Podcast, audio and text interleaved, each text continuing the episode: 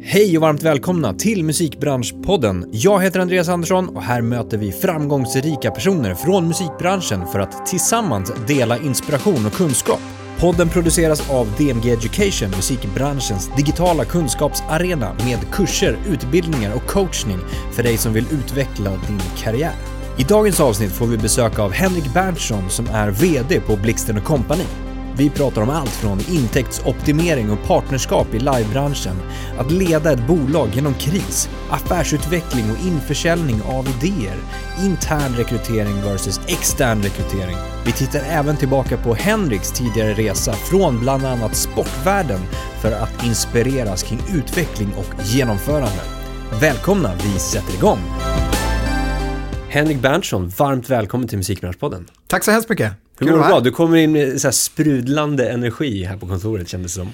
Ja, det, det är lite grann min eh, personlighet tror jag, att jag, jag har mycket energi. Ja. Eh, Men just nu i dagarna så är det klart att jag har extra mycket energi tack vare att vi har fått ett positivt besked Exakt. Från, eh, från myndigheterna och från eh, regeringen att man ska ta bort restriktionerna. Ja. Det kom ju bara för två dagar sedan. Ja, När vi sitter och spelar in det här. Eh, Så det kändes som att du kom in med 110% eh, energi här och bara liksom glädjen sprudlade. ja nej men så Underbart. är det och det, det är klart att det har varit en viss brist på det de senaste, det senaste ett och ett halvt året.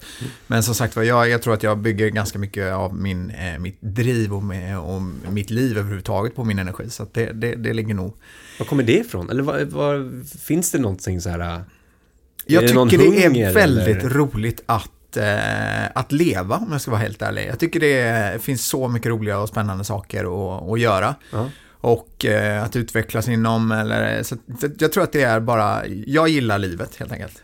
Kul, alltså vilken, vilken härlig, härlig inställning. Verkligen. Bra, bra filosofisk Ja, ja, eh, start på snacket också. Ja, verkligen. Ja.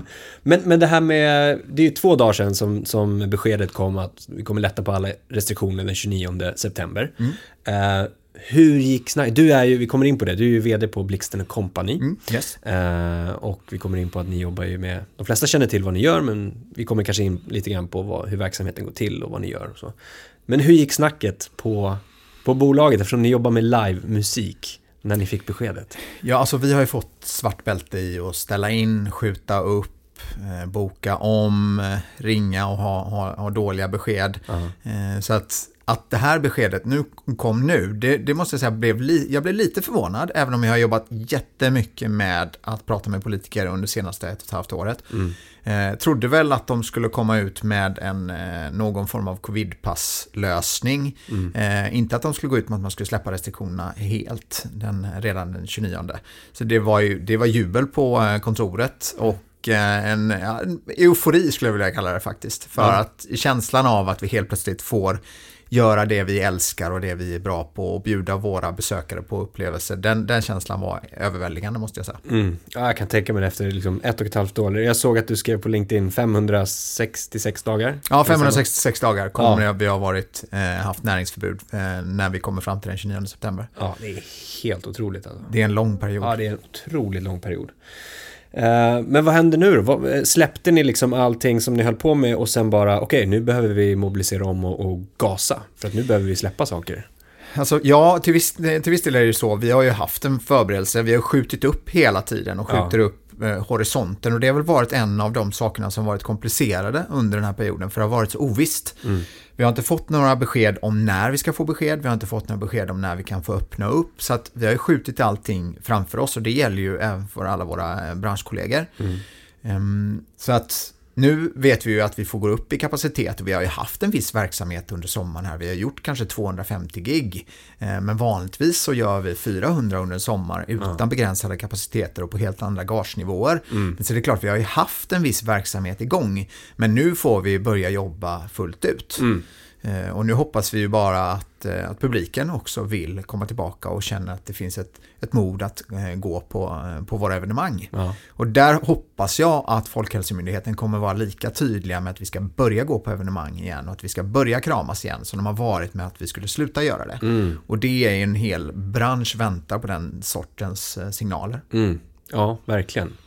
Ja men eh, häftigt, vi kommer in på lite grann det här och effekterna som har blivit och erfarenheterna som ni har fått Ja, in det är och sådär. Det är bra. Du, snacket att, du hör ju att jag dras tillbaka till det hela Ja, tiden. ja, men det, det är, bra. jättebra. Det är härligt. Ja, men du är ju som sagt VD på Blixten Company Mm. sen 2019, ja, om jag inte minns fel. Men du har ju varit på bolaget sen eh, innan det också ja. eh, och jobbat med det. Men om vi börjar, för det kommer vi också komma in på lite längre fram, men om man börjar göra lite research på dig. Det som kommer upp, det är ju innebandy. Oj då. Du har gått så långt tillbaka. Nej, men det, det, Intressant. Det Ja. kommer upp ganska mycket om man tittar på videoklipp till exempel, eller Mm. några poddar och sånt där.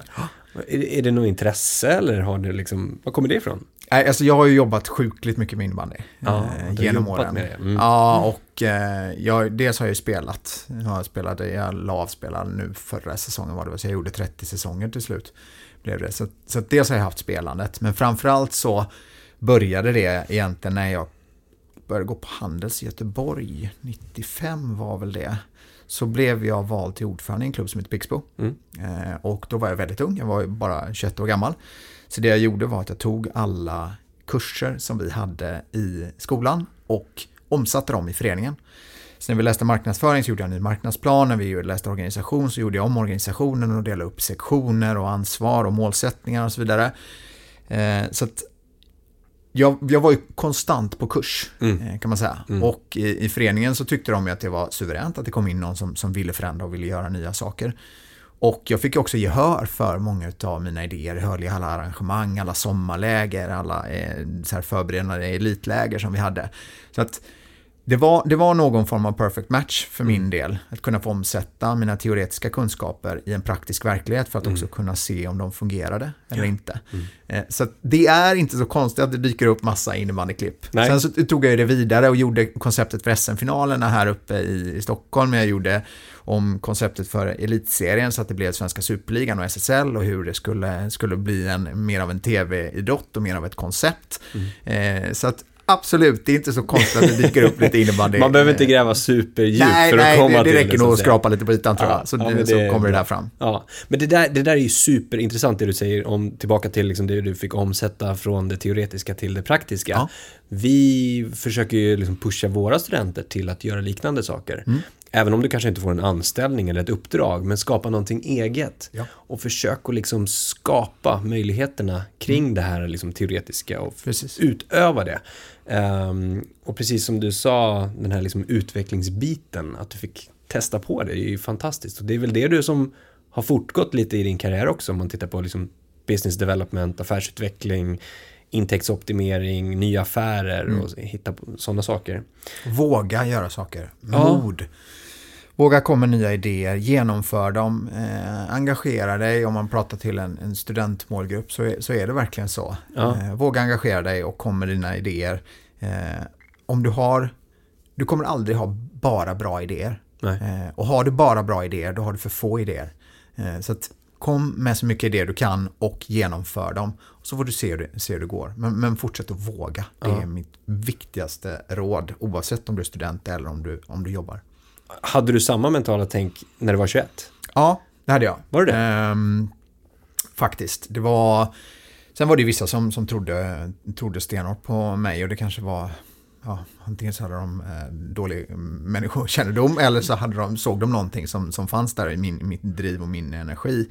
Men vi vågade ju ta beslut om att vi skulle bygga en egen arena exempelvis. Eller ta hand om en arena skulle jag säga i en dialog med kommunen som bara ville bygga en liten skollåda. Så gick jag och en person till som var, som var drivande i styrelsen dit och sa att nej men vi kan ta hand om den här eh, arenan och vi kan sköta den och vi kan vara vaktmästare och så vidare. Och då, det hade vi egentligen inte så mycket backning för utan vi visste bara att vi kommer behöva det här för att kunna växa vår verksamhet. Vem ska ta hand om det? Ja, men jag får väl ta helgerna och så får du ta vardagarna och så, så kör vi. Ja. Eh, Men att man vågar göra de sakerna även om man inte har 100% täckning för att det faktiskt går att genomföra. Mm. Eh, och det har varit genomgående. Jag vet Blixten, Blixten själv, han, han sa till mig första gången han var med mig på ett eh, säljmöte när jag pratade om nya idéer och visioner och så vidare på, på sponsor och partnersidan. Så han, ja, men Henrik, du, du säljer ju luft. Det här är, vi har ju aldrig gjort det här. Nej, precis. Det är en idé. Vi kommer att göra det. Jag kommer att bevisa för dig att det kommer att funka.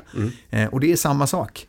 Våga komma med idéer och våga genomföra dem. Ja. Ja, men du säljer ju en vision, inte bara Exakt. luften. Exakt. Utan det finns ju någonting. Ja, ja, precis. Du har Så ju en idé. luften är ju liksom. visionen. Exakt, Mm. precis. Ja, men sjukt spännande. Det där är ju... Men man märker när du pratar att du kommer ju, du tar ju med dig mycket från liksom den tiden också, bara Ja. in i det du kanske gör idag i vd-skapet. Sen var det också vissa insikter som jag kom till, i och med att jag var så pass ung, eh, så var det många tillfällen när jag kom in i, i situationer när man inte förväntade sig att det var jag som var ordförande, utan man Ja. vände sig alltid till alla andra i rummet. Ja. Eh, och Som kanske var lite äldre. som var äldre Ja. och, och så vidare, som var, såg mer erfarna ut.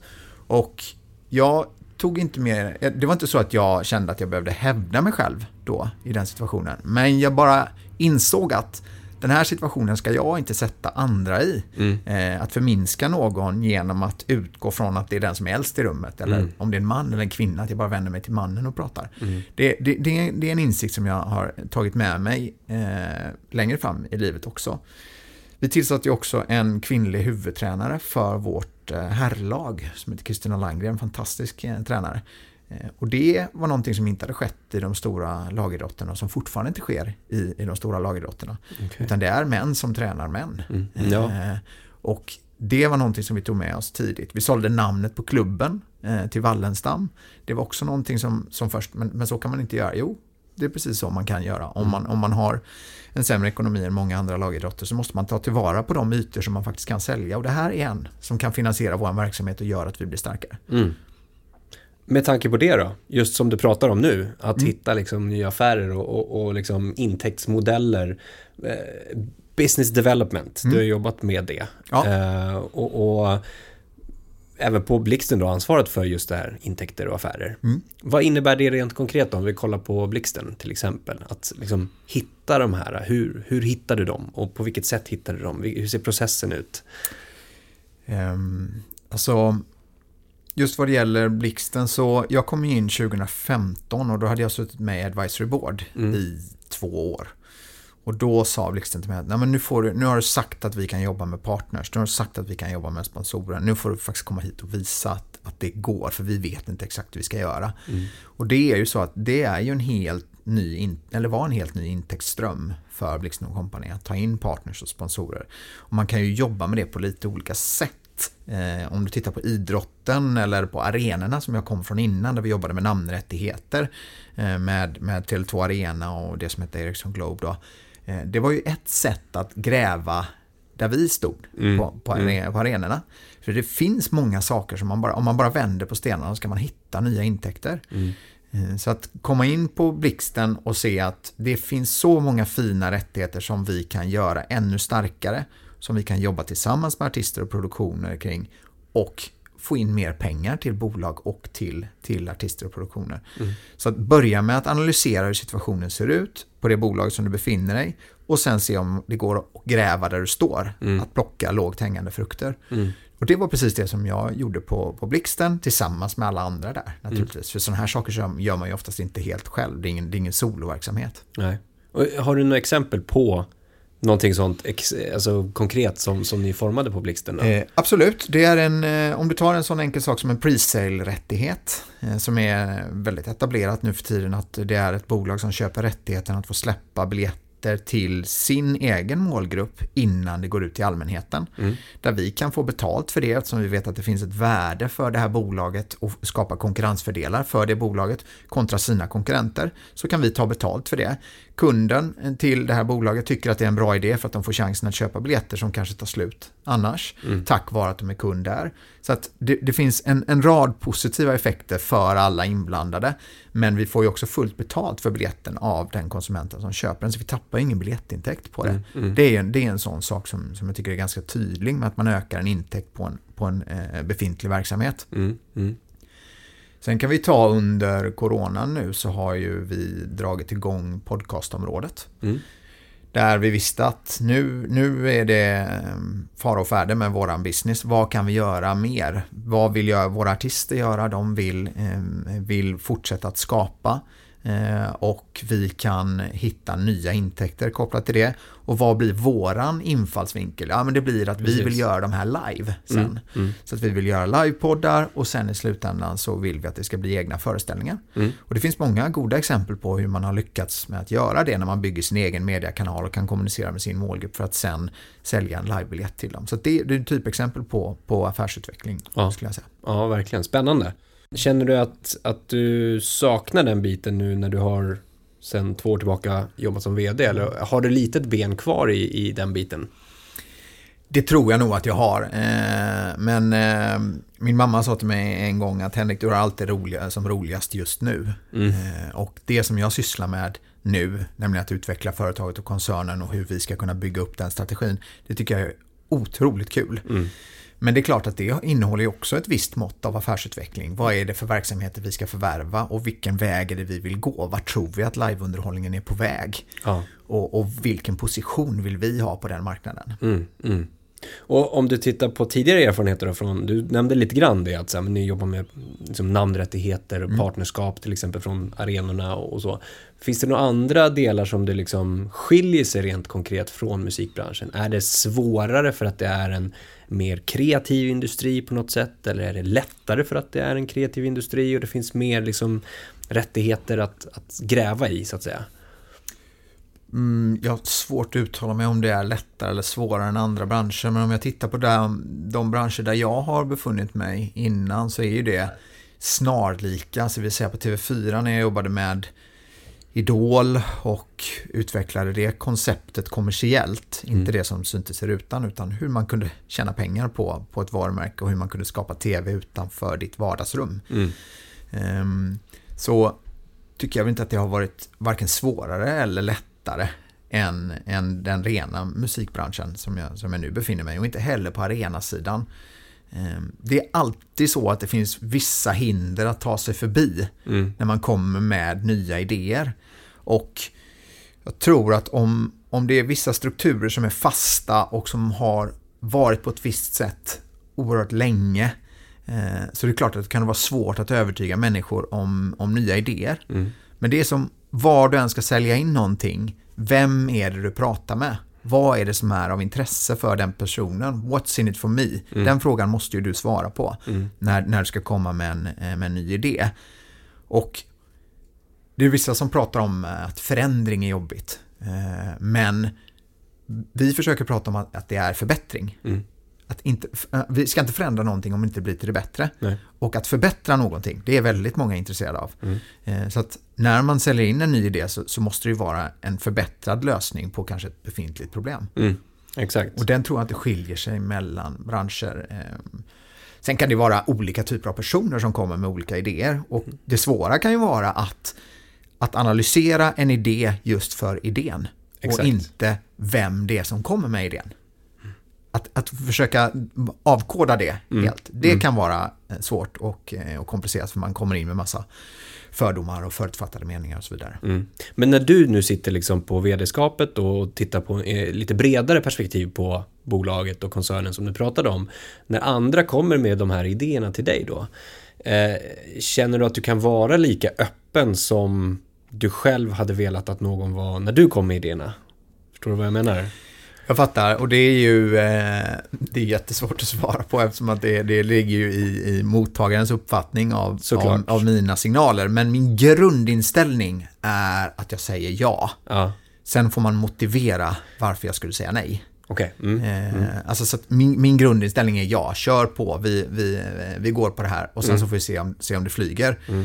Eh, lite mera trial and error eh, hållet. Ja, precis. Uppmuntrar ni det i bolaget också? Jag tänker från alla aspekter, för ni är ju några stycken som jobbar ändå. Ja, liksom alla vi. olika roller, att uppmuntra den, de idéskapandet och liksom förbättrandet av befintliga ja, men, processer till exempel.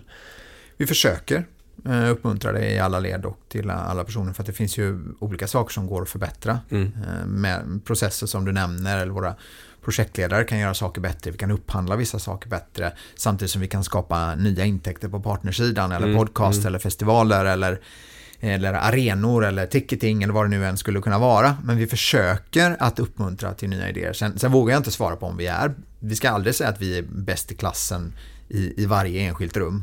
Eh, men vi kan ju i alla fall lova att vi ska bli bättre. Mm. Ja, för jag, jag pratade med en annan person i ett helt, försäkringsbranschen ja. häromdagen. Om just det här, det här med, med liksom utveckling och agilt tänkande kring att liksom skapa nya processer och hej och hå. Och det är så kul att få, få liksom lite insikt i det kontra då musikbranschen. Men det vi kom in på och pratade lite grann om var ju det att, att en del personer är väldigt sugna på nytt, skapa nytt, nya idéer och mm. utveckla liksom det befintliga. Man kanske glömmer det faktiska arbetet, operativa som man ska göra här och nu för att liksom, ja men gå i land med projektet eller vad det nu skulle kunna vara. Mm. Um, och en del är liksom lite lagd åt det andra hållet som, som du berättade att man ser det lite grann som off förändring. Usch, det är lite läskigt och lite nytt. Jag vill helst hålla mig här borta på min säkra sida och liksom bara sitta och knappa på det jag gör. Mm. Uh, att balansera de, du som då ledare, att balansera de olika människotyperna eller liksom arbetstyperna. Du behöver ju ha ett ganska liksom öppet sinne och också sådär hjälpa dem personerna på olika sätt. Mm. Kan det vara en utmaning för dig känner du? Liksom att dels försöka lära känna personen och hur den agerar i olika situationer och sen coacha på något sätt? Ja, det tror jag. Men eh, det, ja, jag tror väldigt mycket på att det ska vara individanpassat ledarskap och situationsanpassat ledarskap. Eh, och det är klart att man måste vara lyhörd för hur olika människor tar till sig information och tar till sig idéer. Mm.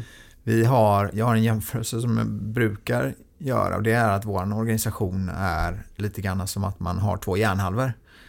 Du har den rationella sidan och du har den emotionella sidan. Och på den rationella sidan där, där är det mycket mail, allting ska vara i skrift, det är planer. Eh, medan på den emotionella sidan så, så är det mer att vi pratar med varandra och vi, vi kommunicerar på ett annat sätt. Och då kanske vi har artister och skådespelare och producenter på den emotionella sidan och på den rationella sidan där har vi administration och, och till viss, i viss mån projektledare och kanske, kanske jag själv också.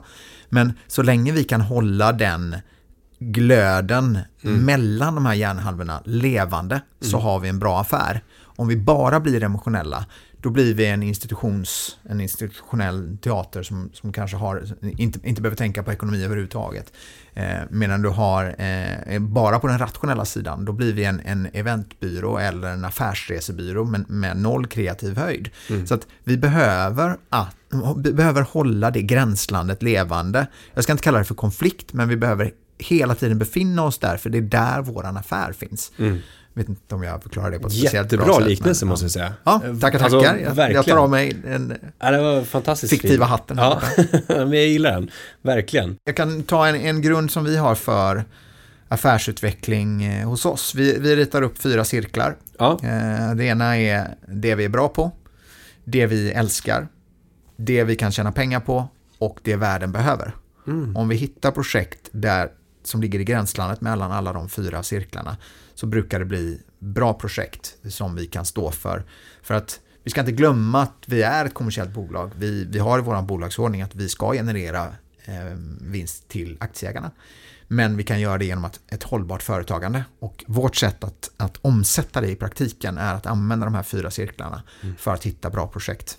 Mm, spännande modell. Mm. Och hur jobbar ni med workshops för att få fram det här, liksom idéerna i de här cirklarna? Eller? Vi försöker ha det i bakhuvudet. Vi har gjort ja. det även på individnivå.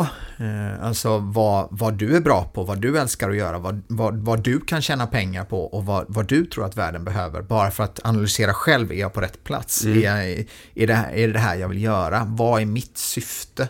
med, med mitt jobb och mitt liv. Så att man kan göra det på individnivå, man kan göra det på bolagsnivå. Eh, men sen så försöker vi ha det som ett rättesnöre som man har i, i bakhuvudet.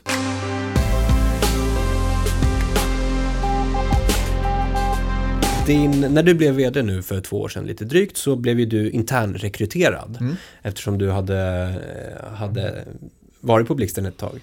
Eh, och det är ganska vanligt. Du menar att jag fick det för lång och trogen tjänst? Ja, nej men inte, inte, inte så, men, men det är ganska vanligt i musikbranschen. Ja. Att, att man tittar inåt först eh, Eh, och titta liksom, okej, okay, vad har vi för kompetenser här och hur skulle det kunna se ut framåt i en ledarskapsroll till exempel. Eh, hur ser du själv på liksom, frågan kring intern rekrytering versus extern rekrytering? Jag gillar ju intern rekrytering ehm, för att man visar att det finns möjligheter och utvecklingsmöjligheter inom, inom väggarna.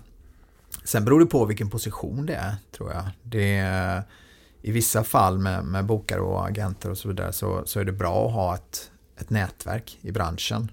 Och att ha redan så att internt inom branschen kan det också vara, vara viktigt att hitta vissa roller. Mm. Men sen i andra roller kan det vara viktigt att få in eh, externt blod och ny, ny energi och Exakt. nya insikter utifrån. Så jag tror det är ganska mycket beroende på vilken, vilken position det är. Mm. Och det som kan vara ganska uppfriskande tycker jag i vår bransch är att det är väldigt meritokratiskt. Alltså det, att det, du, det du åstadkommer det är, och det du visar att du kan, det är det som sen genererar någonting oavsett om det är en, en titel eller en position. Men hos oss så hoppas jag inte att titlar spelar så stor roll. Och tittar man på vår organisation så är det klart att den, och ritar du ner den på ett papper så är den väldigt hierarkisk. Men i själva verket är den inte det. För att min, min roll ser jag som att det är nästan som att man vänder hela, hela den här hierarkin upp och ner. Jag har en servicefunktion som gör att de personerna som rapporterar till mig, jag ska se till att deras arbete aldrig behöver stanna upp. Jag ska vara snabb i mina återkopplingar, min inkorg ska vara tom. Eh, så att, jag hela tiden kan återspela, så att man sen i sin tur kan återspela till de som är ute och jobbar på, eh, med, med våra artister och så vidare. För att det är också så att besluten ligger ju väldigt ofta hos våra artister och ja. hos våra produktioner. Det är de som bestämmer var de ska spela någonstans och när och sen agerar vi rådgivare. Och då, är det, då måste jag ju inse att jag har en servicefunktion och jag är en rådgivare till, som, till de som sen ska ge råd till våra artister. Mm. Så att, eh, det är en viktig insikt tror jag när man mm. kommer till, till våran bransch. Mm. När, när vi ändå är inne på det, så här, eh, när man rekryterar externt till exempel då, så, så kan det betyda, precis som du var inne på, att man vill ha nytt fräscht blod in i liksom, eh, företaget på något sätt, nya sätt att tänka. Hur skulle du säga att man kan säkerställa att de här, det här nya fräscha som man letar efter inte hamnar i gamla strukturer och gammalt tänk? För det kan ju vara lätt att liksom, man, man vill ha in det, men sen så känner man att ja, men nu, nu tuffar vi på, nu kör vi så här. Nej, vi har det på det här sättet och det här sättet. Att man inte kommer in i dem.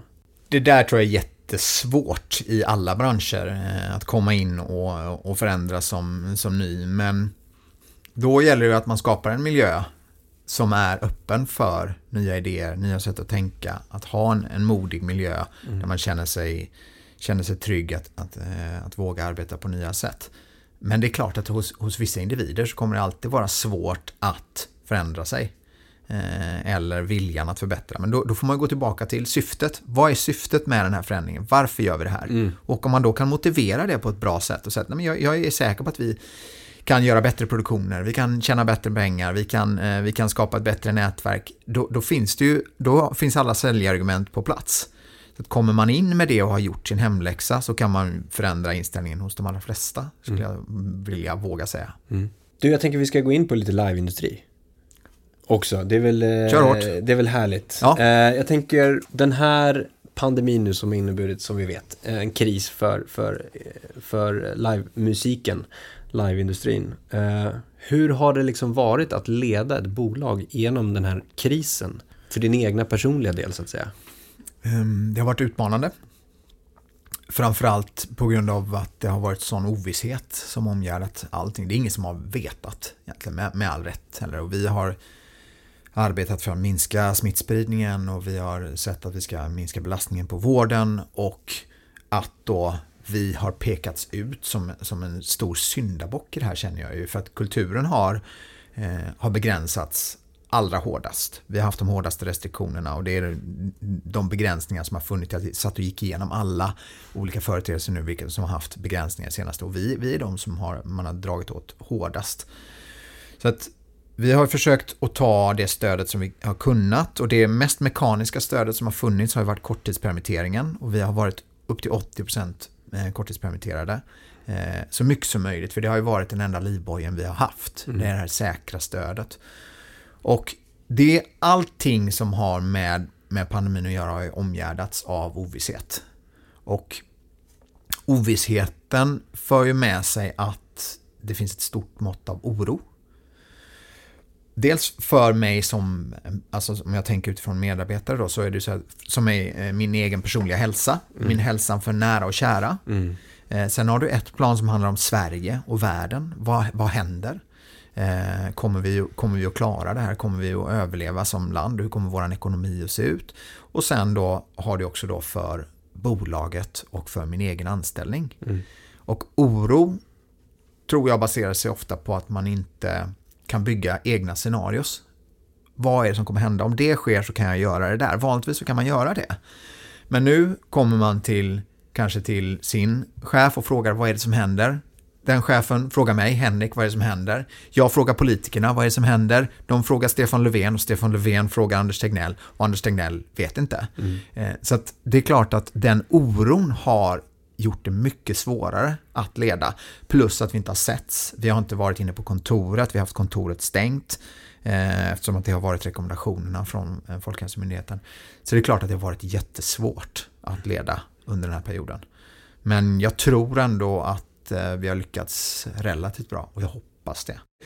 Eh, sen så tror jag så här om man ska eh, fundera på att leda i kris. Ja.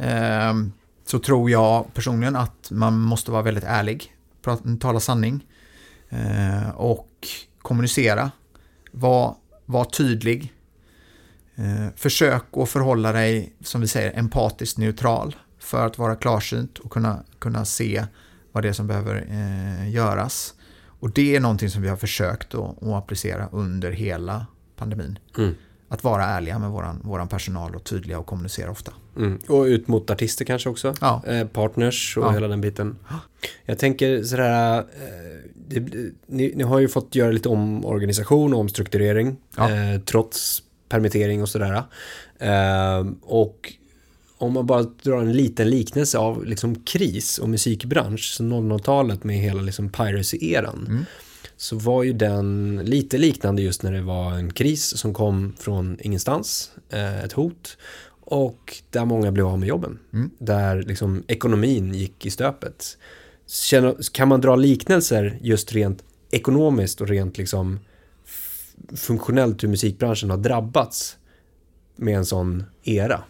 Jag tror att det är, har funnits en större och bredare förståelse nu för att det här är någonting som har drabbat hela samhället. Mm.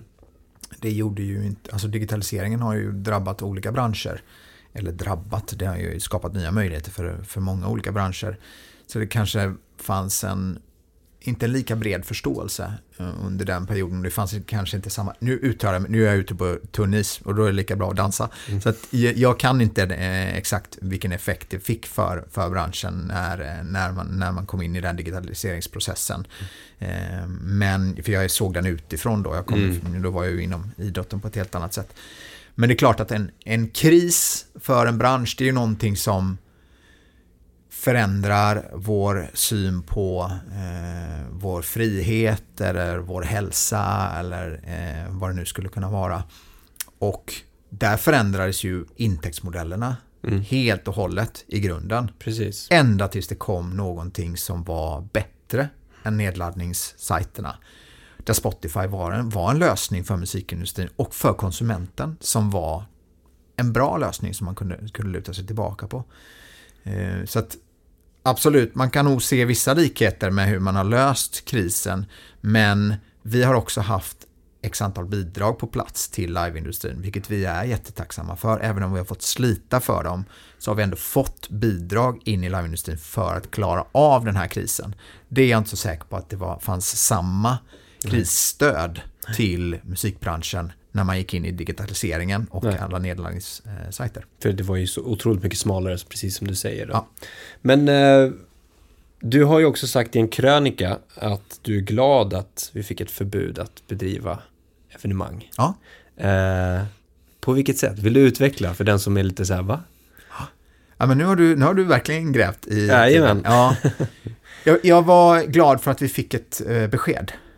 Att det var tydligt Innan fanns det ingen eh, tydlighet och det här var ju under den perioden som var mellan den 12 mars och den 28 mars om jag inte missminner mig. 2020. Ja, 2020, ja, precis. precis. För att då gick ju från 500 eh, till ner till 50 den 28 mars. Så att innan det var det, fanns det en otydlighet i vad, och det var inte så många som visste exakt vad pandemin skulle innebära heller. Så att vi började ju att göra evenemang för upp till 500 personer. Och då fick många av våra artister och, och produktioner ta emot mycket klagomål på att man fortsatte att genomföra evenemang och indirekt oss då naturligtvis. Så på så sätt så var det bra att vi fick ett, ett förbud. För det var också någonting som vi kunde gå med till myndigheterna och säga nu har ni förbjudit vår verksamhet. Vad är det vi eh, kan få för stöd när ni har satt det här näringsförbudet på oss? Så det var det som jag eh, syftade på. Mm. Men eh, på, på, på vilket sätt har det här fått er eh, att syna er egen verksamhet? Har, det liksom, har ni behövt rikta er inåt på något sätt också och titta så här, okej, vilka funktioner, vilka roller, vilka avdelningar är viktiga att ha med oss efter det här också? För jag kan tänka mig att ni fortfarande har tänkt i banor om efter Mm. att det kommer komma tillbaka och att man behöver liksom strukturera upp det på det sättet. Men vi har blickat mycket inåt och framförallt så kanske hur vi genomför våra evenemang. Ja. Vad vi behöver tänka på eh, framöver för att konsumtionsmönstret kan ju komma att förändras. Exakt. Och det kan man ju säga, det var ju också det som skedde med, när digitaliseringen skedde med, med hela musikindustrin, för det var ju konsumtionsmönstret som, som förändrades. Och det måste ju vi också vara på tå och lyhörda för om det är så att konsumtionsmönstret förändras. Ehm, men vi har inte plockat bort några roller som vi, hade, som vi hade innan. Däremot så var vi tvungna att banta personalstyrkan precis innan sommaren 2020. När vi insåg att det här kommer att bli eh, långvarigt. Och nu har vi börjat rekrytera igen för att hitta, hitta personer på ungefär samma roller. Så att rollerna har inte förändrats så mycket, men vi har ju blickat inåt och skärskådat det sättet som vi genomför evenemangen på. Hur ser kapaciteterna ut? Vilka biljettpriser kan man tänka sig? Behöver vi ha ett avstånd mellan raderna på ett annat sätt än vi har haft tidigare? Handspritstationer, entréer, ventilation och så vidare. och Så vidare. Så det, det är klart att vi har granskat hur vi genomför våra evenemang. Mm. Och, och precis som du nämnde så är ju, har ju du synts ganska mycket utåt sett och även då varit eh, representant nästan för liveindustrin mot politiker som du har pratat med.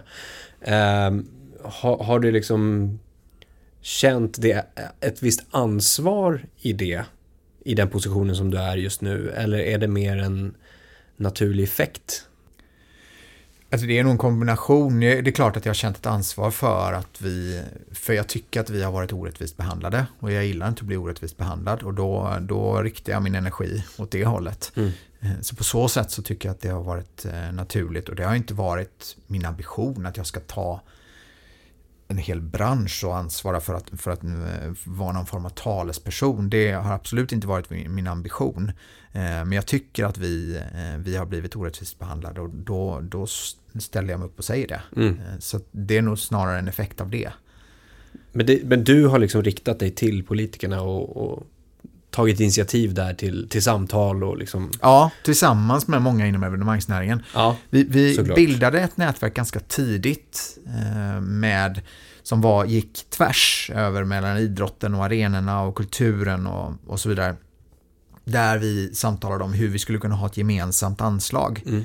Och eh, i de sammanhangen så blir det också så här att när, för att kunna påverka så måste vi presentera för politiker. Och om vi ska koka ner ett budskap så är ju det, det, är ju det jag har gjort och gör när jag gör en säljpresentation. Alltså vad, hur ska vi få fram vårt budskap och vad är de viktiga punkterna? Ehm, så då har det blivit naturligt att jag har tagit den positionen i den rollen. Alltså jag lever ju mitt liv genom powerpoints så att det hade varit nästan tjänstefel om inte jag hade tagit på mig den rollen att göra den typen av presentationer. Men när vi har gjort det så har det ju varit med elitfotbollen och det har varit med arenorna i Stockholm, Malmö och Göteborg och så vidare. Så att det, vi, vi, har ju, vi har ju jobbat väldigt mycket tillsammans kring det. Ja. Vilket jag kan tänka mig har liksom krävts ändå för att vara som en samlad kraft och en samlad röst på något sätt. Så att det inte bara blir liksom enstaka industrier på något sätt. Nej, precis, och vi har blivit sedda nu tycker jag, Ja. eh, på ett annat sätt. Eh, Stockholms handelskammare gjorde den här eh, undersökningen där man visade att det är 123 000 personer som jobbar direkt eller indirekt i evenemangsnäringen. Vi, vi genererar 84 miljarder till ekonomin, vi står för 1,7 procent av BNP. Den typen av siffror hade inte vi innan. Vi Nej. var inte samordnade på det sättet. För att vi inte heller har behövt vara det. Nej. För vi vill inte ha bidrag. Vi har aldrig velat ha bidrag. Vi vill vara fristående. Vi vill kunna göra våran business fritt från, eh, från eh, bidrag. Men när man tar ifrån oss möjligheten att göra våran affär och agera så måste man kompensera det på något sätt. Och då måste vi ju försöka nå de personerna som vi vanligtvis inte vill prata med. Mm, mm. En liten side-note som jag blev nyfiken på. Där Ja. med du lever ditt liv genom powerpoints. Ja. Exakt. Hur ser en sån... Vem tycker det är kul? Ja, men det, jag blir ändå bara nyfiken på när du väl sitter där och skapar själva powerpointen. Mm. Vad vad- vad- är, du punktformats eh, powerpoint eller är du visuella bilder, Visuella bilder. visuella bilder eh, som ska förmedla ett budskap? Ja, och förstärka det eh, genom vissa nyckelord. Ja, exakt. Hur, Det gör jag. det gör det. Hur lång kan en presentation, hur många slides kan en presentation vara? Oj, det är hur långt ett snöre. Eh, om du frågar eh, våra medarbetare så säger de väl att det är 150 slides som är de vanligaste. Måndagsmötena Men- sådär. Exakt. Ja. Men eh, det beror helt på. Ibland kan det bara vara en bild som, är, som blir talande. Men att hitta då ett, ett foto som, som stärker det budskapet som du vill eh, lyfta fram eller den känslan som du vill förmedla samtidigt som, som du berättar om det. Det, det, det. Du vill ha en viss dramaturgisk effekt. Så när jag säger att jag lever mitt liv genom PowerPoint så handlar det inte om att jag har en vit bakgrund och sen så areal i typsnitt och så skriver jag ner allting som jag vill prata med min fru om. Så, Det var det så jag funkar misstänkte nästan. Ja, ja. Men, eh, ja men härligt, det var en side-note. Vi går tillbaka till Mm. En liveindustrin. bra side-note. En liten så här uh, detour. Eh, hur skulle du säga nu då, och, och liveindustrin vi har kommit in på och, och, och att det liksom har förändrats på något sätt och lite då konsumtionsmönster kanske kan ha förändrats också i och med liksom det som har hänt digitaliseringsmässigt under pandemin med live-streamade livekonserter. Eh, att liksom folk kanske har fortfarande en viss rädsla att ses eller att, att samlas i stora evenemang och stora folksamlingar. Samtidigt som det kan finnas en supersug åt det. Och att ses och uppleva livemusik. Vad, vad, vad tror du, hur har liksom liveindustrin förändrats på något sätt? Eller förbättrats? Det är ju eh, det är svårt att svara på hur, hur den långsiktiga effekten kommer att vara. Det är klart att under den här perioden när vi har varit svältfödda på live-evenemang så har streaminglösningarna funnits där eh, och jag tror att de kan finnas där som en, som en kombination.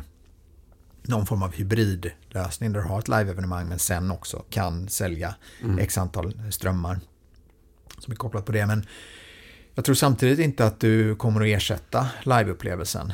Eh, på samma sätt som att sporten har haft tv-sändningar i, i väldigt många år. Men det finns fortfarande ett sug efter att se livesport. Så jag tror att man kommer att kunna leva eh, i symbios på ett helt annat sätt. Men det är klart att under den här perioden så har det varit ett jättebra substitut. Mm. Nu kommer det nog bli mer av ett komplement, Mm. tror jag och hoppas jag. Sen har jag någon form av grundtro att människor glömmer. Eh, Mm. Lika snabbt som vi har anpassat oss efter pandemins förutsättningar, lika snabbt kommer vi att komma tillbaka till det vi gillar. Mm. Jag tror att alla saker som vi har tyckt om, som vi tyckte om innan pandemin, kommer vi att vilja ha tillbaka. De sakerna som vi har insett att vi inte gillar, de kommer vi inte ta tillbaka. Mm. Och jag tror och är övertygad om att live-evenemang är någonting vi gillar, någonting som vi vill komma tillbaka till. Mm. Ja, definitivt. Det, det tror jag och hoppas jag verkligen. Och jag tror det som du säger, det här med det digitala, att det kan vara ytterligare ett lager också. Mm. Alltså, det har skapat mer möjligheter till fler intäktskällor kanske. Ja, Eh, och, och att det blir ytterligare ett lager för, en möjlighet för fler personer att ta del av live-evenemang också. Mm. Har man inte den ekonomiska möjligheten, har man inte den, den, den fysiska möjligheten eller liksom på det sättet att ta sig till ett live-evenemang så kan du ju kanske uppleva det. Och, och det skapar ju ett värde för fler personer Mm. förhoppningsvis. Och ehm, Skapa ett sug också. skapa ett sug, exakt. Det, är- det finns ett exempel på det som man kallar för the greatest sport turnaround, eh, sport business turnaround ever och det var Chicago Blackhawks eh, som långt bak i tiden hade eh, problem med eh, publiksiffror Mm. i sitt United Center. Och då kom det in en ny ägare som, eh, där de hade pratat om att nej, men vi ska inte sända några, eh, några matcher på tv för då kommer publiken att komma tillbaka hit Ja. för då kan de bara komma hit för att se det. Och hans princip var att nej, vi ska göra precis tvärtom. Vi ska, vi ska televise everything. De ska vara i omklädningsrummet, vi ska göra intervjuer, det ska vara tv hela tiden, så vi sänder ut. Mm. Och det, effekten som det fick var att eh, efterfrågan ökade dramatiskt. Och eh, det, det är ju oerhört svårt att få en, ett säsongskort till Chicago Blackhawks idag. Men de gick åt andra hållet. Så jag tror, precis som du säger, det kan skapa ett sug om man har eh, de digitala möjligheterna. Eh, streamingmöjligheterna. Men det, det som inte har riktigt kanske funnits på plats eh, hittills, det är ekonomin Mm. kopplat till, till eh, streamingen. Exakt. För att om du har en, en konsertbiljett som kostar 500 kronor eh, eller en, en, eh, en ström som kostar 200 Mm. och så är du fyra personer som, som delar på den där eh, strömmen då har du helt plötsligt en intäkt på 50 kronor per, per person och det är Mm. en tiondel av vad du har fått då per Mm. biljett med, eh, med ett vanligt live-evenemang. Så att ekonomin är ju svårare att få ihop. Då kan man säga att ja, men du kan nå många fler kanske eh, digitalt. Mm. Ja, om du har en internationell publik. Så Mm. tittar du på Billie Eilish eller eh, BTS eller vilka det nu än är så, så kan ju de nå en större eh, publik Mm. totalt sett.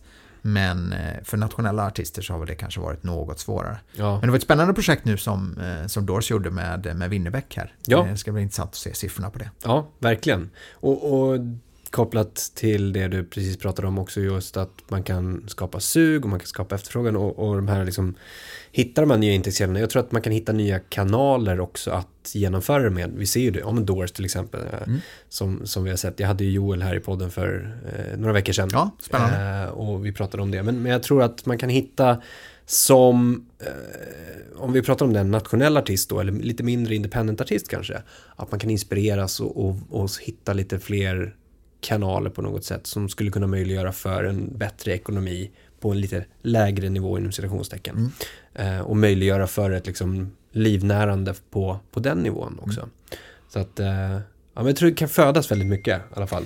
Ja, men det tror jag med. Och man ska se det som ett komplement. Inte som ett eh, substitut till eh, liveupplevelsen. Ja men exakt. Varför plingade den där till? Hade ju satt på störing. Kanske pratar för fort. Det kanske är, det kanske är någon form av metronom du har där. Pling, pling. Säg till Henrik att prata långsammare. Ehm, om vi sammanfattar då, vad, vad tar ni med er för lärdomar framåt? För det kan ju hända liknande saker i framtiden. Det behöver inte vara just en pandemi, men det kan ju hända saker som, ja, där det ställs på sin spets. Vad tar ni med er för någonting? Vi behöver vara samordnade i branschen.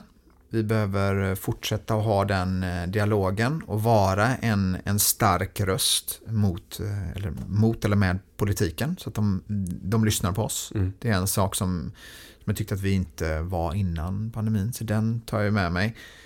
Eh, Vi behöver ha en plan B eh, som exempelvis det här med covidpassen som, som kan vara en plan B om det skulle vara så att man av någon anledning behöver införa restriktioner igen. Då skulle det kunna vara någonting som man sätter in och säger, nej men nu, nu har de här restriktionerna som gäller, men har ni covidpass då får ni, då får ni ha fulla kapaciteter på arenorna. Mm. Det, det tycker jag att vi eh, tar med oss. Och sen att försöka förbereda sig på det som inte går att förbereda sig på. Mm. Alltså vill säga vara på tå, vara lyhörda, eh, lyssna vad som händer i omvärlden eh, och försöka ha, bygga in en flexibilitet i organisationen. Det är lättare sagt än gjort. Mm. Men att försöka tänka att det oförutsägbara kan faktiskt inträffa. Mm. Kan man, jag bara såg en eh, bild, brandövning, Ja. som man gjorde, gör på företag eller i skolor. Så här. Man, Mm. man förbereder sig för det som inte får hända, så att Ja. säga. Eh, lite liknande tänk kanske. Behöver inte vara just en fire drill.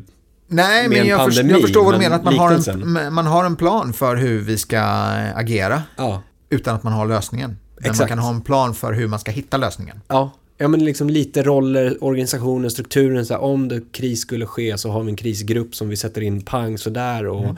liksom, ja, lite kolla på det. det. är Lite overkill kanske, men det skulle kunna vara positivt.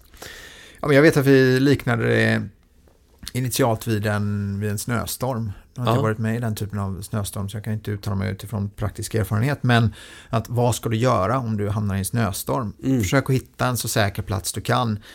Gräv ner dig och håll dina nära, eh, nära dig. Ja. Eh, försök att skaffa hjälp, eh, någon form av stöd. Prata med dem som, eh, som är eh, i din närhet och så vidare. Mm. Eh, det är också en sån, sån liknelse. Verkligen. I det fallet så behöver du också ha någon som du lyssnar på. Mm. Du behöver ju ha en, en ledare som, som går först. Ja.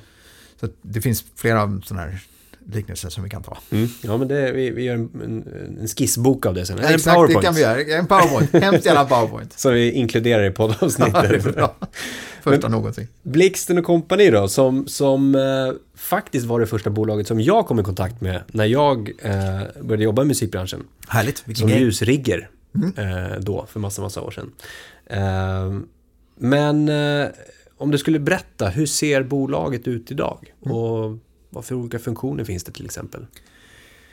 Alltså till att börja med så ingår vi i en eh, koncern som heter All Things Live. Mm. Eh, som i sin tur ägs av ett eh, private equity-bolag som heter Waterland. En, en fond där som de har rest. Och eh, vi finns i alla de nordiska länderna. Plus Belgien. Och vi håller på med en, en så kallad köp och byggstrategi. Så att vi, vi har förvärvat x antal verksamheter. Um, och då finns det, det finns olika funktioner hos oss naturligtvis. Men intäkterna är ju från eh, agentur, från egna produktioner, från eh, podcasts, från promoting, från eh, partnerskap, från festivaler, från humorsidan kan man också kalla det. även om Vår humoragentur är ROA som vi också har förvärvat nu under, under pandemin. Mm. Så det finns ju x antal intäktsområden. Och under det så har vi en, en backoffice med eh, marknadsföringen som, som vi jobbar med, med, med projektledare och med, med administration och, och så vidare. Mm. Så det är så organisationen ser ut. Vi är, nu tror jag att vi är 40 personer. Det är ju lite beroende på just nu med att vi håller på att rekrytera. Exakt, vilken vecka det exakt, är. Exakt Ja. vilken vecka det här är och vilken vecka det sänds. Ja. Men eh, vi håller på att rekrytera så att vi är runt 40 personer i Sverige Mm. och, eh, och tittar på, på nya affärsmöjligheter eh, i, i Sverige och i Norden och i Europa och även utanför Europa. Mm. Så det kan man ju säga att om det är någon där ute som, som lyssnar och har en intressant affärsmöjlighet så vill vi hemskt gärna lyssna. ja, bra. Eh, Har ni några som ligger liksom, även om du inte avslöjar vad det är för någonting? Absolut. Som, som är, Absolut. Det är, vi kommer att fortsätta att buy and build. ja, och du, har- du vill inte hinta om... Nej, uppsidan, riktning? uppsidan att göra det här är ganska begränsad, eh, tyvärr. Såklart. Eh, Så, att, eh, så jag kommer nog inte göra det, nej. Men du nämnde All Things Live Mm. som liksom En koncern. koncern. Precis. Men, men det kan jag också då passa på att nämna att vi kommer att byta namn till All Things Live. Eh, och det kommer att ske den 1 oktober, så det är ju dagen efter det här ska sändas. Okej. det- Fick du en liten... eh, wow, en spännande. Liten, någon, en liten, ett litet scoop. Ja, verkligen. Ja, men det var kul. All Things Live, då, ja, okej. Mm. Då, då förstår man liksom helheten också, vart det kommer ifrån på något sätt. Och vår promotingverksamhet här i Sverige heter ju redan All Things Live. Mm. Eh, Så det, det är ingen radikal förändring på det sättet. Eh, Det finns ju x antal värden som vi har byggt, upp i varumärket Blixten Company som vi naturligtvis tar med oss in i, i det nya varumärket. Ja. Men det är ju trots allt så att om man tittar på, på konsumenten så är det inte så att vårt varumärke är det viktiga utan det är vilken artist eller vilken produktion som man, som man går på. Man går inte på, på Blixten och Company och sen hoppas man att det står något bra på scenen utan man går ju på någonting annat. Så, att, så på så sätt så kanske det inte har så stor betydelse utåt. Men däremot i branschen eh, och eh, mot artister och talanger så är det klart att Blixten och Company har varit ett väldigt fint och anrikt och värdefullt varumärke som vi ska ta med oss in i det nya. Mm, verkligen. Ja, men eh, spännande.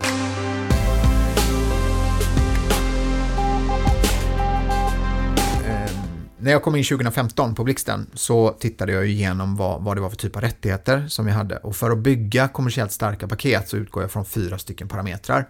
Det ena är eh, association, exponering, relationer och affärer.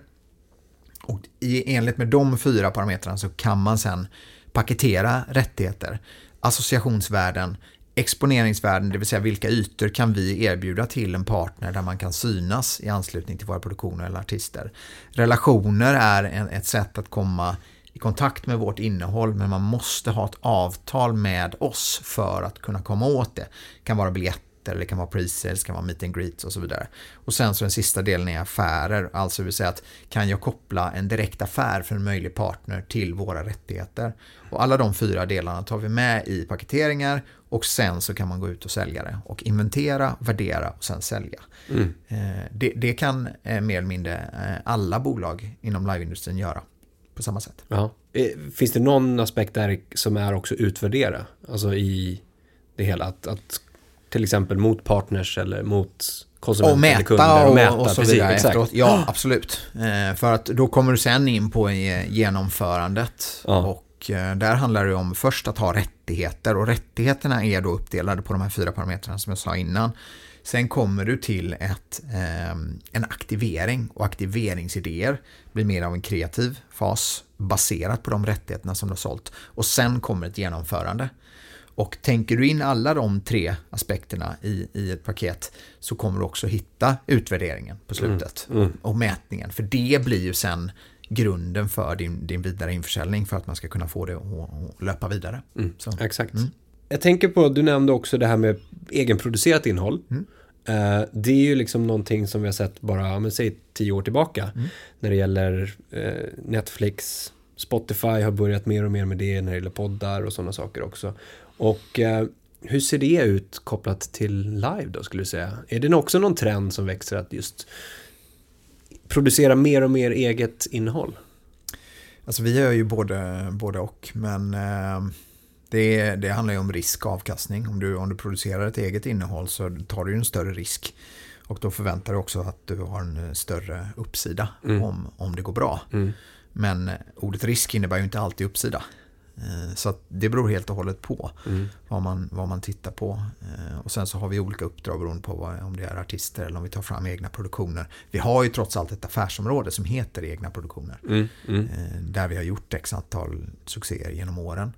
Eh, och det är klart att hade det varit givna succéer så hade ju ett eget innehåll varit, eh, varit bättre nästan alla dagar i veckan. Mm. Eh, men det gäller att fördela den där risken och ta hand om också lokal kunskap och lokala förmågor. Så det, det, det, är helt och hållet beroende på vad det är för typ av innehåll. Mm. Ja, men hur, hur, hur stor del skulle ni säga av den totala omsättningen då, står för egna produktioner kontra agenturverksamhet till exempel då? Om man tittar artistverksamheten ungefär. Det får jag nästan återkomma till dig med om i så fall, för det har inte jag i huvudet. Nej. Exakt vad, hur den procentuella fördelningen ser ut. Men, Men man kan säga så här däremot att tittar du på hur intäktsfördelningen ser ut, om du tar en annan, en, en stor internationell aktör, mm. så är det ju så att där har intäktsfördelningen förändrats ganska rejält de senaste åren. Och tittar du på kanske 90% kommer då från konsertverksamheten men 90% av resultatet sen kommer från andra delar. Alltså vill säga partnerskap och kanske ticketing. Mm. Så att det har skett en förskjutning där. Eh, vad det är som är motorn och var egentligen pengarna kommer in, vad det, vad det är som är kvar på sista raden. Så det har ju varit en väldigt tydlig förskjutning. Ja. Och vad tror du framåt då kring det här? Utvecklingen? Att, är det, är det de, de trenderna som du tror att vi kommer se framåt? Liksom, vad det är som är motorn, vad det är som är intäktsgenererande eller liksom vinstgenererande? Om vi följer eh, de eh, globala marknadsledarna så är det ju den utvecklingen vi kommer att se. Mm. Eh, sen vet jag inte om den är, eh, är önskvärd för alla inblandade att det är därifrån intäkterna bara ska komma och att man inte tjänar några pengar på konserten utan man bara gör det på, på partnerskap och på ticketing som är kopplat till den här motorn som är innehållet. Eh, svårt att säga om jag tycker att det är en önskvärd utveckling i, på, den, på den svenska marknaden men följer man de globala marknadsledarna så, så kommer det ju absolut att se ut så. Mm. Kommer du vara en del av det då, och se tio år framåt? En del av de globala marknadsledarna. Ja, eh, att det, All Things Live kommer att vara det, det är jag helt övertygad om. Det är du övertygad om, eh, Absolut. Ja, ja. Eh, som ett led i min vanliga hybris. Men eh, jag kommer ju från partnerskapssidan. Mm. Det är ju de delarna som jag framförallt kan och jag ser vilken enorm potential det finns i det. För oss som bolag och när vi kan samordna oss över, över, de, över gränserna både europeiskt och nordiskt och globalt så finns det enorma vinster att göra i det och enorma värden att skapa för, för alla inblandade. Mm. Så det är klart att jag, min kompetens kommer ju vara till nytta i en sån utveckling. Mm. Absolut. Ja, men det är bra. Om vi avslutar lite grann då, bara sådär med lite tips och råd. Om vi börjar med att du får tala till artister som nu ska ut och spela. Vad, vad, liksom, vad skulle du vilja motivera dem till att liksom göra eller hur ska de tänka framåt? Alltså jag tror det krävs ganska lite för att motivera dem att komma ut och spela Ja, jo, inför precis, en, en, en, en fullsatt arena. ehm, och ja, mitt, mitt enda tips är att eh, gå ut och ha så roligt det bara går. Ta ut all frustration som man har känt under de här 566 dagarna och, och bara ge det i energi till publiken och visa att det är eh, liveupplevelser som, som gäller. Mm. Och ha kul och ge allt. Eh, det, är- det är min enda rekommendation. Jag, jag, sen är det bara full Sen är det bara att köra. Sen är det bara att köra, full Ja. frihet. Ja. Om du får tala till eh, arrangörerna eller andra bolag just inom live-industrin. Eh, då skulle jag vilja säga, eh, fortsätt att samordna er, lär er nya saker, eh, gör affärer med oss, kom med affärsmöjligheter till oss. Det är en, det är en, det är en, eh, det är en rekommendation till alla.